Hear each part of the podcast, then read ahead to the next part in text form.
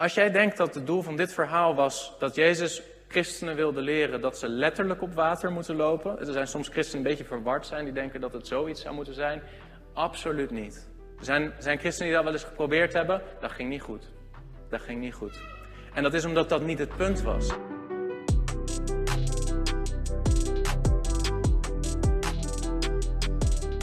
Hebben gelezen Matthäus hoofdstuk 14 vanaf vers 22. En dat verhaal gaat over Petrus. Petrus, ja, dat verhaal van Petrus met de Heer Jezus, dat begint eigenlijk niet in Matthäus hoofdstuk 14. Het verhaal van Petrus met de Heer Jezus, dat begint al veel eerder. We vallen eigenlijk midden in het verhaal van het Matthäus-evangelie. Maar Petrus is wel degene waar ik met jou, met jullie, over na wil denken. Petrus zijn proces met de Heer Jezus, waar dit een onderdeel van is. En misschien is het goed vanavond, en daar wil ik je ook echt toe uitdagen. Ik, ik zeg meestal je tegen mensen als ik spreek voor zo'n groep mensen, maar als je liever u hoort, dan moet je dat maar vervangen voor u. Ik weet niet hoe dat in jullie kerk meestal is. Bij ons spreken we elkaar met je aan. Um, maar het proces van Petrus, probeer jezelf eens in zijn schoenen te plaatsen. Petrus is al geroepen door de Heer Jezus om hem te volgen in Matthäus hoofdstuk 4. Dat is tien hoofdstukken eerder. En misschien heb je dat wel gelezen, dat Petrus, hij is daar aan het vissen, samen met zijn broer Andreas. En dan komt de Heer Jezus, die zegt, kom achter mij aan en ik zal u vissers van mensen maken. En dan, dan laat Petrus meteen samen met zijn broer de netten achter en gaat de Heer Jezus volgen. En vanaf dat moment ziet Petrus, en het moment dat hij geroepen werd, was hij nog een jonge man. soms werden Joodse jongetjes al vanaf leeftijd van 12 à 13 geroepen door een rabbi om hen te volgen. Nou, het was zeker ongebruikelijk dat Petrus ouder zou zijn dan Jezus, door wie hij geroepen werd om hem te volgen. Jezus was op dat moment ongeveer 30. Dus ergens tussen 13 en 30 zal Petrus ongeveer geweest zijn, een jonge man. Hij was wel getrouwd al op het moment dat hij geroepen werd. Want eh, een van de eerste dingen die, die Petrus mag meemaken als een persoonlijk wonder is dat zijn schoonmoeder wordt genezen. Dus hij had een schoonmoeder, dat betekent dat hij getrouwd was. Dus men denkt dat Petrus ongeveer rond de twintig, misschien iets ouder was. Een jonge man. En Jezus had hem geroepen en hij volgde de Heer Jezus. En Petrus had het al eens eerder meegemaakt in Matthäus hoofdstuk 8. Dat hij op zee was in een boot en dat er een storm kwam. En op dat moment was de Heer Jezus ook aanwezig op de boot. En hij sliep op de boot. jullie kennen ook dat verhaal wellicht. Er ontstond een grote onstuimigheid in de zee. Matthäus 8, vers 24. Zodat het schip door de golven bedekt werd, maar Jezus sliep. En zijn discipelen kwamen bij hem, wekten hem en zeiden, Heer, red ons, wij vergaan. En hij zei tegen hen, waarom bent u angstig, kleingelovigen? Toen stond hij op en bestrafte de winden en de zee en er kwam een grote stilte. De mensen verwonderden zich en zeiden: Wat voor iemand is dit dat zelfs de winden en de zee hem gehoorzaam zijn? Niet alleen had Petrus dat al eens op zo'n manier meegemaakt, maar Petrus had veel meer al meegemaakt voordat we in Matthäus 14 komen. Hij heeft zelfs al meegemaakt dat de Heer Jezus hem en de twaalf met hem, uh, of eigenlijk elf met hem, elf apostelen naast Petrus, gezag had gegeven, Matthäus 10 vers 1, macht had gegeven over de onreine geesten, om die uit te drijven en om iedere ziekte en elke kwaal te genezen. Dus Petrus kende Jezus tot op zekere hoogte. Wanneer we komen in Matthäus hoofdstuk 14. En hij heeft veel meegemaakt al met de Heer Jezus. En toch heeft de Heer Jezus het verlangen om Petrus tot een dieper besef te brengen van wie hij is. En misschien is dat al gelijk een soort situatie waar jij iets van herkent. Als je opgegroeid bent als jongere, in een christelijk gezin, dan ben je van jongs af aan waarschijnlijk in de dienst en hoor je iets van wie Jezus is. En tot op zekere hoogte, ja, hoor je erbij, ben je onderdeel van dat proces van de gemeente. En tegelijkertijd is er ook een persoonlijke weg die de Heer met jou wil en moet gaan. Waardoor jouw relatie met Jezus meer wordt dan slechts een associatie met de gemeente waarin je opgegroeid bent. Een persoonlijke stap van een relatie met Jezus hebben. En misschien herken je daarom jezelf in die positie van Petrus. En zo beginnen we te lezen in vers 22. En ik ga jullie deze versen samen met jullie langslopen. Maar probeer jezelf in de positie van Petrus te plaatsen. We beginnen te lezen. Vers 22. Meteen dwong Jezus zijn discipelen in het schip te gaan en voor hem uit te varen naar de overkant, terwijl hij de menigte weg zou sturen. Dat is al gelijk een interessant begin. Want het is ongeveer avond nu. En als je het hoofdstuk goed bestudeert, dan zie je dat dit volgt op de wonderbare spijziging. Jezus die 5000 mannen, en dat zijn nog niet eens de vrouwen en kinderen meegeteld, voedt met vijf broden en met twee vissen. Een enorm wonder. En dan, wanneer dat voorbij is, dan lezen we, meteen dwong Jezus zijn discipelen in het schip te gaan en voor hem uit te varen naar de overkant, terwijl hij de menigte weg zou sturen. Heb je wel eens afgevraagd, waarom stuurt Jezus zijn discipelen weg? Ze, ze, lijken helemaal niet weg te willen gaan. Ze lijken helemaal niet in dat schip te willen gaan en weg te gaan. Later zien we ook waarom. Want vermoedelijk is op dat moment het weer al helemaal niet geschikt. En het tijdstip van de dag al helemaal niet geschikt om die overtocht te gaan maken. En misschien zijn er al de voortekenen van een storm. Dus die discipelen denken misschien al, ja, waarom? Waarom moeten wij gaan? Maar staat Jezus dwong hen om te gaan. Waarom dwong Jezus zijn discipelen om te gaan? Nu ga ik een beetje speculeren, maar in Johannes hoofdstuk 6 lezen we vermoedelijk de reden dat Jezus het deed. Want we lezen in Johannes hoofdstuk 6, vers 14. En dat gaat ook over de wonderbare spijziging. Toen de mensen dan het teken dat Jezus gedaan had gezien hadden, zeiden zij: Hij is werkelijk de profeet die in de wereld zou komen omdat Jezus nu wist dat zij zouden komen en hem met geweld mee zouden nemen om hem koning te maken, trok hij zich opnieuw terug op de berg, hij zelf alleen. Dus wat was de situatie? De menigte wilde Jezus koning maken. Maar Jezus wilde dat niet. Dat was niet de weg die de Vader voor Jezus had bestemd. Dat hij op dat moment door de mensenmassa tot een soort politiek leider, een koning over Israël zou worden aangesteld. Dus Jezus moest de menigte duidelijk maken: mensen, dit is niet de bedoeling, dit is niet het plan. Maar misschien wist hij wel dat zijn discipelen stiekem ook wel het eens waren met de menigte. Eigenlijk ook wel wilden dat Jezus op dat moment gewoon politiek leider werd. Met ook de positie die daarmee voor hun in het verschiet lag. Dus Jezus wellicht heeft gedacht, die discipelen van mij moeten eerst weg. En dan ga ik de menigte wegsturen. Want die trotse discipelen, misschien dat als, als die menigte naar ze toe gaat en zegt, uw meester moet koning worden. Dat ze zeggen, ja, je, je hebt gelijk. We gaan, we gaan Jezus koning maken. Dat zou kunnen, dat weet ik niet. Maar feit is wel dat zij alleen gedwongen werden in dat schip te gaan zonder Jezus. Dit keer zonder Jezus. Eerder was er een storm op het water, maar Jezus was op de boot. Nu ontstaat er een andere situatie. Jezus is niet op de boot. Jezus is bovenop een berg alleen aan het bidden. En de discipelen zitten in het schip. En er is een duisternis, want het is nacht. En als het nacht is, dan is het niet zoals bij ons als het nacht is. Ik weet niet hoe het in Wijngaarden is als het nacht is. Maar in Rotterdam als het nacht is, of dat is eigenlijk ook wel in de Randstad, dan staan er een hoop lantaarnpalen. Dan heb je nog een hoop verlichting. Maar als het nacht was op de zee van Galilea, dan was het donker. Dan was het echt donker. Dan had je alleen de sterrenhemel en de maan die nog enig licht gaven. Maar ik denk dat dat veel minder licht was dan wat wij gewend zijn nog s'nachts te hebben wanneer we over de A16 rijden hier. Het was donker. En Jezus was er niet. En zij beginnen te varen. En dan lezen we, vers 24, het schip was al midden op de zee. Nou, het schip had helemaal niet midden op de zee hoeven komen. Laten we dat voorop stellen. De overtocht die ze moesten maken, daarvoor was het helemaal niet nodig dat het schip midden op de zee zou komen.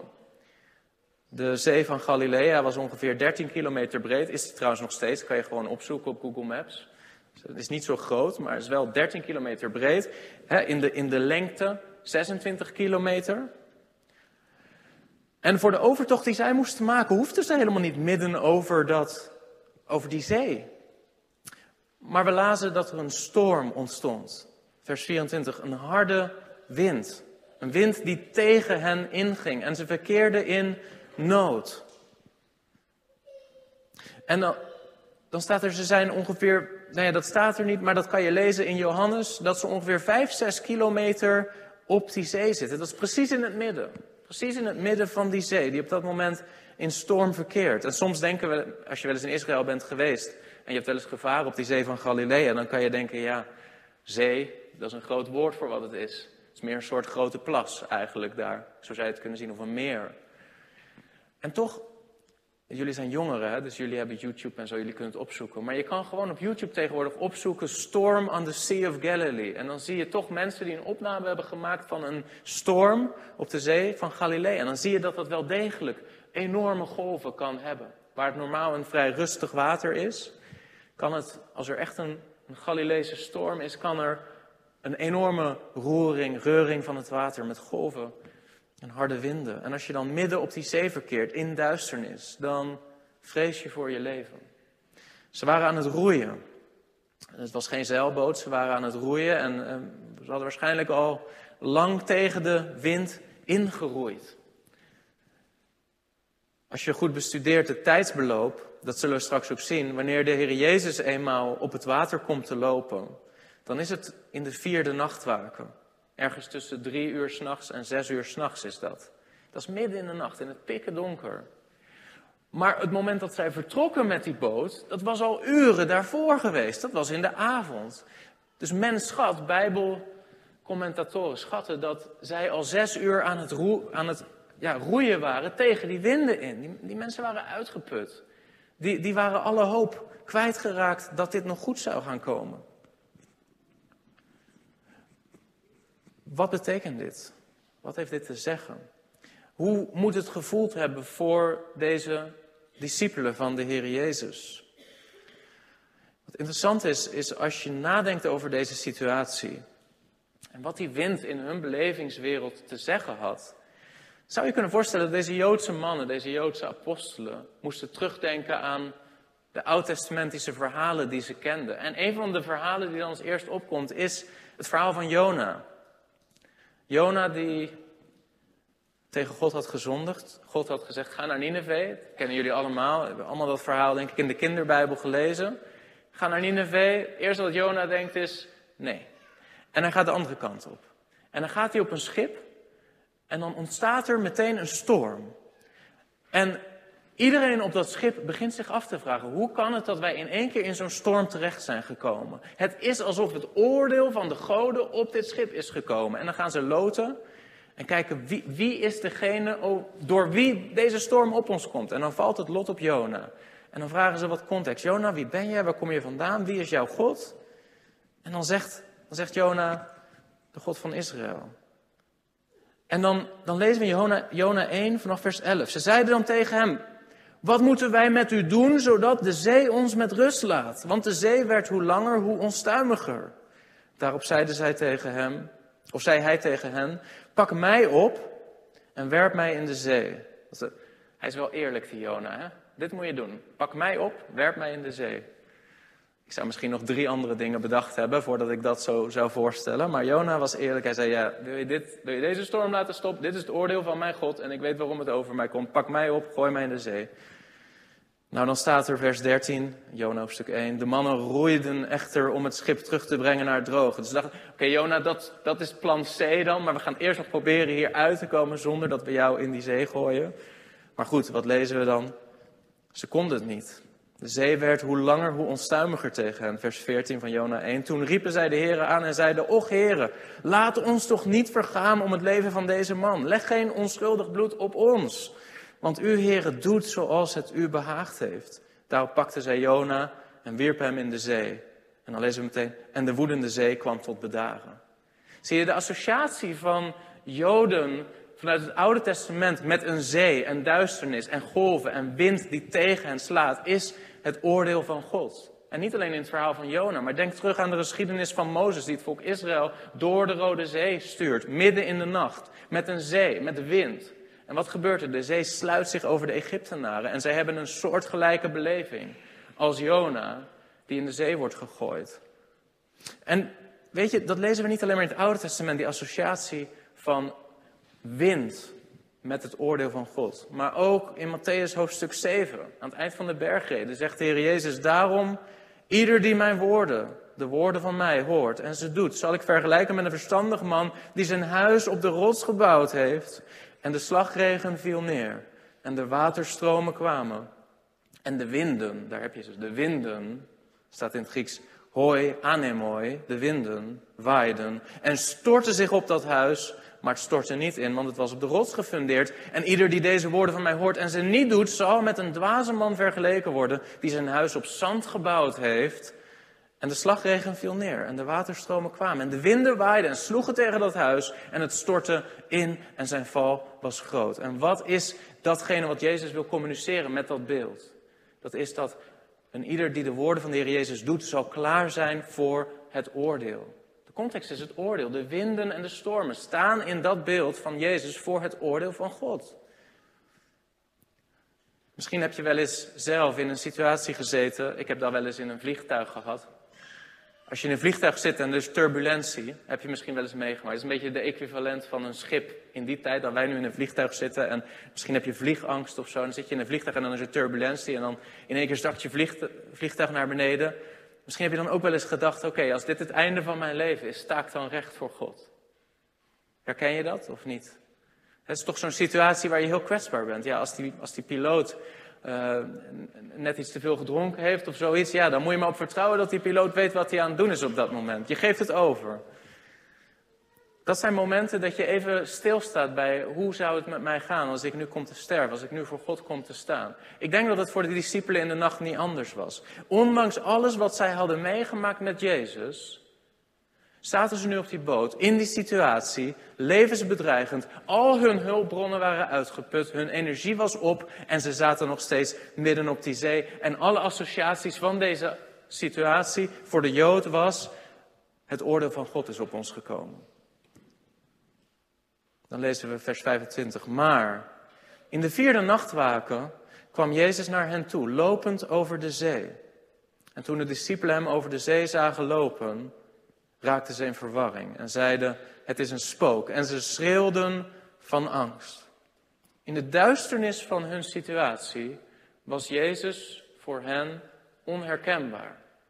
Ze dachten dat ze een spook zagen. Het is überhaupt al de vraag: hoe konden ze hem zien in de duisternis? Gaf hij licht of wat, hoe was het mogelijk? Maar misschien zagen ze toch onder de, het licht van de sterren en van de maan, zagen ze toch die schim van Jezus en dachten, dit is een spook. Wat, wat is dit wat hier over het water loopt?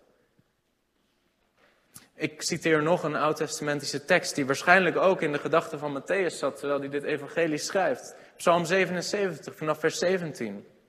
De wateren zagen u, o God. De wateren zagen u, zij beefden. Ook de diepe wateren sidderden. De wolken goten water uit. De hemel gaf geluid. Ook vlogen uw pijlen overal heen. Zie je, daar is weer dat idee van oordeel. Dat idee van oordeel in die storm. Het geluid van uw donder klonk in het rond. De bliksemflitsen verlichtten de wereld. De aarde sidderde en beefde. Uw weg was door de zee. Uw pad door grote wateren. En uw voetstappen werden niet bekend.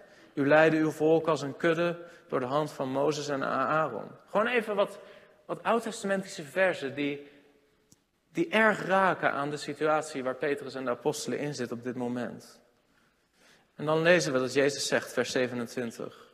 Meteen sprak Jezus hen aan en zei: Hebt goede moed, ik ben het, wees niet bevreesd. En dat is het evangelie in de meest korte samenvatting die je misschien zou kunnen geven. Het evangelie van Jezus Christus. Hebt goede moed, ik ben het, ego aimi, wees niet bevreesd.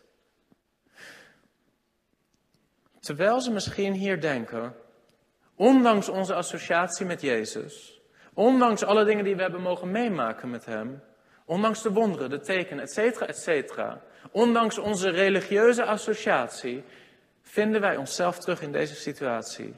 Duisternis, golven, wind. En de twijfel, is dit het moment dat God ons dan toch zal doden om onze zonde? Want Petrus was een man die zich bewust was van zijn eigen zonde. Weet jullie nog dat in een van de eerste ontmoetingen die Petrus had met Jezus, zei Petrus, ga weg van mij, want ik ben een zondig mens. Dat was een van de eerste dingen die Petrus zei tegen Jezus. Ga weg van mij, want ik ben een zondig mens. Hij was zich bewust van zijn eigen zonde, van zijn eigen kwetsbaarheid. Maar te midden van die situatie komt dan Jezus. En dan zegt hij, en dan moet je niet overheen lezen. Jezus zegt, hebt goede moed. Ik ben het. Ik ben het. En in het Grieks staat er ego aimi. Ik ben het. Maar er zit een parallel met de naam van God in Exodus 3, vers 14. Waar Mozes gestuurd werd tot het volk Israël om hen te bevrijden, te redden uit Egypte. En dan, dan zegt God tegen Mozes, Exodus 3, vers 14, ik ben het, ik ben die ik ben. Ook zei hij tegen hen, tegen hem, dit moet u tegen de Israëlieten zeggen, ik ben, heeft mij naar u toegezonden. Dus hier zit opnieuw een oud-testamentische koppeling. Jezus zegt, ik ben er om jullie te redden, ik ben er om jullie te helpen. Je hoeft niet bang te zijn voor het oordeel van God. Je hoeft niet bang te zijn voor de dood op het moment dat je Jezus kent als jouw redder. Vers 28. Petrus antwoordde hem en zei: Heere, als u het bent. Hij wist nog niet zeker of dat Jezus het was. Het was nog steeds voor hem moeilijk om te zien of dat het Jezus was. Maar hij zegt: Als u het bent, geef mij dan bevel over het water naar u toe te komen. Hij zei: Kom. Petrus klom uit het schip en liep op het water om bij Jezus te komen. Ik, ik heb hier over nagedacht. Hè. Ik kom vaak mensen tegen, ook jongeren, eigenlijk van de week nog, een jongere, die zegt: Ik heb geen vrede, ik heb geen rust in mijn hart. Ik weet dat ik, als ik vandaag zou sterven, dat ik naar de hel zou gaan. Zeg maar, waarom ga je niet naar Jezus? Waarom ga je niet naar hem toe? Hij, hij zegt: Kom tot mij, alle die vermoeid en belast zijn. Ik zal u rust geven. Ja, maar, zei de jongen, hoe weet ik dat het echt is? Hoe weet ik dat ik mag komen? Hoe weet ik dat ik geroepen ben? Zie je wat Petrus hier doet is, hij zegt, Heer, als u het bent, geef me dan bevel over het water naar u toe te komen. Kijk, Petrus is niet dom. Petrus weet dat hij niet zwemmend bij Jezus gaat komen. Het was een visser, hij kon goed zwemmen. Maar hij wist dat in zo'n storm, in die duisternis, de zee van Galilea, daar in het midden, zijn eigen zwemvaardigheden niet voldoende zouden zijn om bij Jezus te komen. En hij springt niet impulsief in het water om met een soort borstkrol naar Jezus toe te zwemmen. Hij zegt, Heer, als u het bent, geef mij dan bevel voor het water naar u toe te komen. Zie je, zo, zo kan je ook naar Jezus gaan. Je hoeft je niet af te vragen, ben ik wel geroepen? Je mag naar hem toe gaan en zeggen, Heer, roep mij. En wat lezen we dan? Je zegt, nou, dat zie ik nog wel hoor, of dat ik jou roep. Nee, Jezus zegt meteen, kom. Je bent geroepen. Het is niet erg als je naar Jezus toe gaat en zegt: Heer, roep mij alstublieft. Zonder twijfel lezen we hier, vers 29, dat Jezus meteen antwoordt: Kom. Maar dan moet je ook komen. Het is niet voldoende om dan op het schip te blijven en te denken: Nou, is fijn, hè? er is een uitnodiging gedaan. Nee, het is niet voldoende om dan daarmee genoegen te nemen. Het is niet voldoende om dan te blijven zitten met die elf andere apostelen en te zeggen: Nou, we zitten toch maar in een mooi gezelschap hier. Het is niet voldoende om dan in je religieuze context te blijven zitten als Jezus je roept. Er moet een persoonlijke stap gemaakt worden. Petrus moet hier een persoonlijke stap gaan maken. En die stap is niet makkelijk. We lezen vers 29. Petrus klom uit het schip en liep op het water om bij Jezus te komen. En weet je, jij bent ook geroepen om naar Jezus te gaan. Als Jezus zegt, kom tot mij, allen die vermoeid en belast zijn en ik zal u rust geven, vergeten veel mensen wel eens dat daar ook een opdracht in zit. Je moet komen. Het is de opdracht om te gaan. Je bent geroepen. En dat is precies wat Petrus hier doet. En waar we in het verhaal van Jona lezen dat Jona in het water wordt gegooid en daarna stopt de storm, is het misschien niet gek om te denken, en zou Petrus wel eens gedacht kunnen hebben, misschien is dat precies dezelfde situatie als waar ik nu in zit. Misschien is dat het idee. Misschien is deze storm er wel omdat ik zo'n grote zondaar ben en omdat ik veroordeeld sta voor God. Misschien weet God wel, ondanks mijn religieuze leven, ondanks mijn associatie met Jezus, misschien weet God toch ten diepste dat het bij mij niet goed zit. En misschien heeft Petrus wel even getwijfeld. Als ik uit die boot stap, dan zink ik net als Jona in de zee en dan stopt de storm en dan is het verhaal voorbij, want hier ging het ten diepste om. Maar dat gebeurt niet. Petrus die beweegt naar Jezus en hij staat op het water. En komen tot Jezus betekent vaak staan op water. In de zin van dat eigenlijk het enige wat er zou kunnen en moeten gebeuren in deze situatie is dat Petrus meteen door het water zakt en sterft. Dat is wat er zou moeten gebeuren. Dat is wat de wet van de natuur zegt, de wet van de zwaartekracht, maar ook in feite de geestelijke wet van zonde. Dat Petrus niets anders verdiende dan hetzelfde als wat Jona overkwam. Dat hij één stap buiten het schip zou zetten en als een baksteen naar beneden zou zakken en zou sterven. Maar dat gebeurt niet. Dat gebeurt niet. Hij kijkt naar Jezus. En hij staat in feite niet op het water, maar hij staat op dat woord van Jezus, kom. Daar staat hij op. Hij staat op het woord, kom. En jij bent geroepen om daar ook op te staan. Jij bent geroepen om tot Jezus te komen. Niet omdat jij goed bent, niet omdat jij heilig bent, niet omdat er ook maar iets is in jou wat ervoor zou moeten zorgen dat jij blijft staan op het water. Je bent geroepen om te komen omdat Jezus je heeft geroepen om te komen. Daarom. En als je daarover twijfelt, mag je zeggen: Heer, roep mij. En dan zal hij je roepen. Herken je deze situatie? Zie je, Petrus had waarschijnlijk duizend redenen in zijn hoofd waarom deze hele situatie niet klopte. Waarom dit compleet mis zou gaan. En toch ging die. En toch ging die. En vervolgens lezen we dat hij warempel op het water loopt. En ik denk dat hij misschien, ik weet niet hoe ver hij moest lopen, maar hij loopt over het water. En terwijl hij daar loopt, is de storm niet weg. Ik weet niet hoe dat werkt. Deze vloer waar ik nu op sta, die is, die is mooi effen en egaal. En die golft niet heel de tijd. Maar ik denk dat Petrus, toen hij daar op het water liep, dat dat een hele rare situatie moet zijn geweest.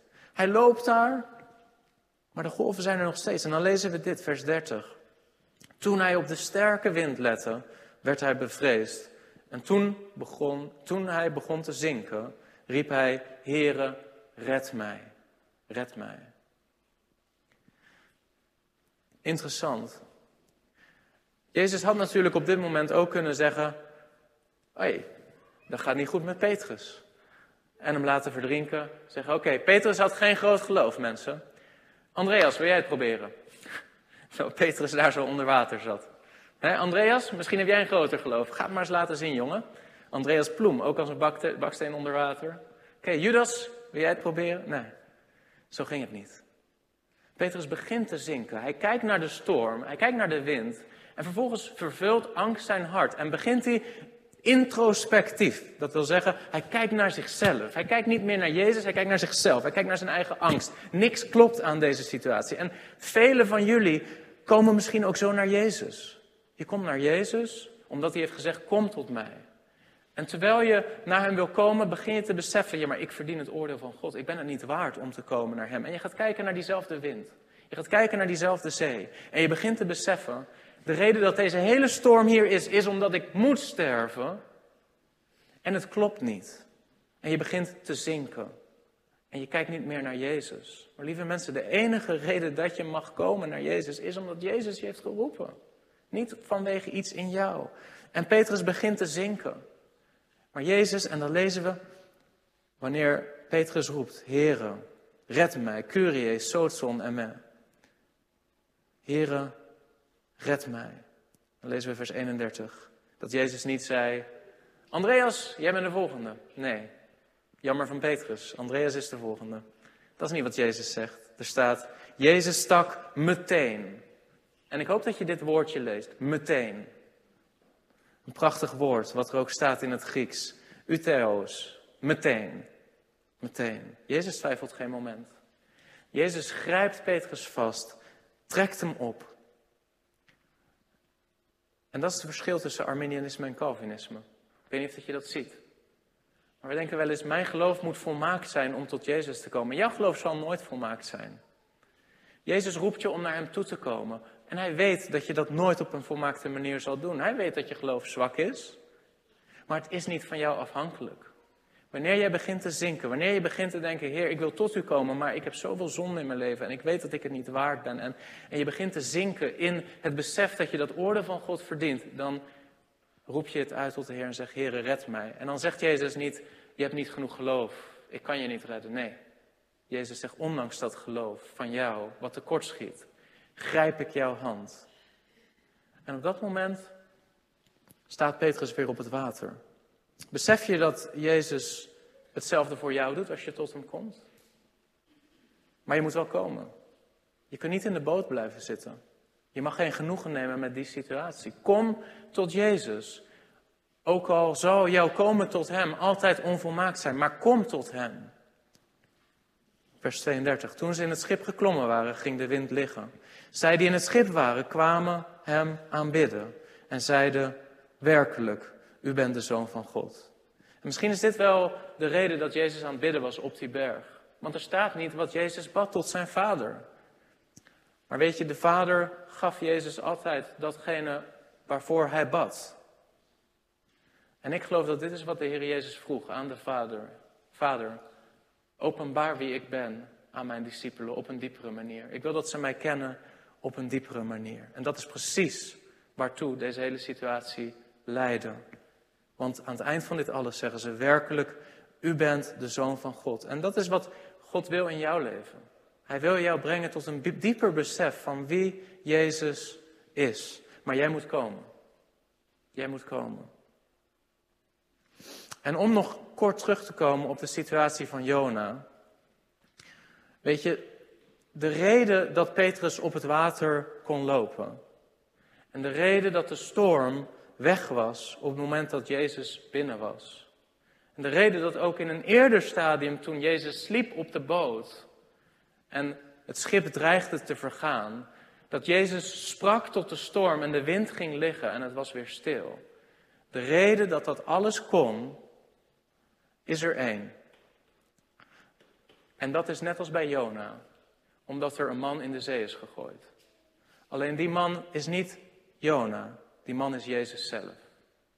De reden dat Petrus kon lopen op het water en niet zonk, is omdat Jezus voor hem is gezonken. De reden dat Jezus de storm van Gods oordeel tot zwijgen kon brengen, is omdat Jezus zelf dat oordeel heeft ondergaan. En daarom zegt Jezus, dit kwaad en overspelig geslacht verlangt een teken, maar het zal geen teken gegeven worden dan het teken van Jona. Want zoals Jona drie dagen en drie nachten in het hart van de zee was, zo zal de zoon des mensen drie dagen en drie nachten in het hart van de aarde zijn. Lieve mensen, er is een man in de zee gegooid, maar het was niet Jona en het was niet Petrus, het was Jezus. En dat is de reden waarom de storm moest zwijgen. En dat is de reden waarom Petrus op het water kan lopen. En dat is de reden waarom jij als christen geroepen bent om elke dag op het water te lopen. Zie je, als jij denkt dat het doel van dit verhaal was dat Jezus christenen wilde leren dat ze letterlijk op water moeten lopen. Er zijn soms christenen een beetje verward zijn, die denken dat het zoiets zou moeten zijn. Absoluut niet. Er zijn, zijn christenen die dat wel eens geprobeerd hebben. Dat ging niet goed. Dat ging niet goed. En dat is omdat dat niet het punt was. Het punt is dat jij geroepen bent om op water te lopen in de zin van dat je wandelt in geloof. In welk geloof? In het geloof dat God van je houdt, ondanks wie jij bent. Wandelen in geloof, in tegenstelling tot wandelen in eigen werken en in eigen gerechtigheid. Jij bent elke dag geroepen om te wandelen op water. Het zou helemaal niet moeten kunnen wat jij doet. Hoe is het mogelijk dat jij wandelt voor het aangezicht van een heilig God en niet dagelijks zakt in zijn oordeel? Er is maar één reden. Het is omdat Jezus van jou houdt. En het is omdat Jezus jou vasthoudt. En het is omdat Jezus het water is ingegaan, zodat jij erboven zou kunnen lopen. Maar er is wel één ding nodig. En dat is dat jij komt. En dat is niet iets wat je voorganger kan doen voor jou. Het is niet iets wat je dominee kan doen voor jou. Het is niet iets wat je vader of moeder kan doen voor jou. En zeker als je hier zit als jongere, dan is mijn oproep dit. Blijf niet op die boot zitten. Neem geen genoegen met een situatie waarin je in de duisternis zit en ten diepste onrust hebt in je ziel, wetende dat je, wanneer je God zult ontmoeten, vandaag of morgen, niet voor Hem kunt bestaan. Neem geen genoegen met deze situatie. Je religieuze associatie zal je niet redden. Er is één ding wat je zal redden en dat is Jezus. Die zegt, wees niet bevreesd. Ik ben het. Ik ben het. Laten we samen bidden. Vader, wat een geweldig verhaal hebben wij mogen lezen. Heer, en wat een, wat een situatie waarin u, Vader, de heerlijkheid van uw Zoon op een diepere manier hebt laten zien aan Petrus. Heer, en Heer, zoals we hier samen zitten, zijn er ongetwijfeld mensen die, die nog op de boot zitten. Heren, in wiens ziel geen rust is. Heren, die, ondanks dat ze u wel zien als een schim, ondanks dat ze wel week op week naar de kerk komen en horen over u, heren, maar ten diepste niet die stap gezet hebben, niet die persoonlijke stap hebben gezet om hun ziel toe te vertrouwen aan u, om, om al in te gaan, om het schip uit te gaan met alle risico's van dien. Heer, ik wil u bidden als dat zo is, Heer, juist voor die mensen, misschien voor jonge mensen. Heer, geef hen alsjeblieft de moed om te komen. Heer, om het schip uit te gaan, om te wandelen naar u, Heer Jezus. En te beseffen, het, het gaat niet om mijn werk, het gaat niet om mijn gerechtigheid. Ik zou door het water moeten zakken. Maar het is omdat u zegt kom. En het is om, omwille van wie u bent, dat wij op het water naar u toe kunnen komen.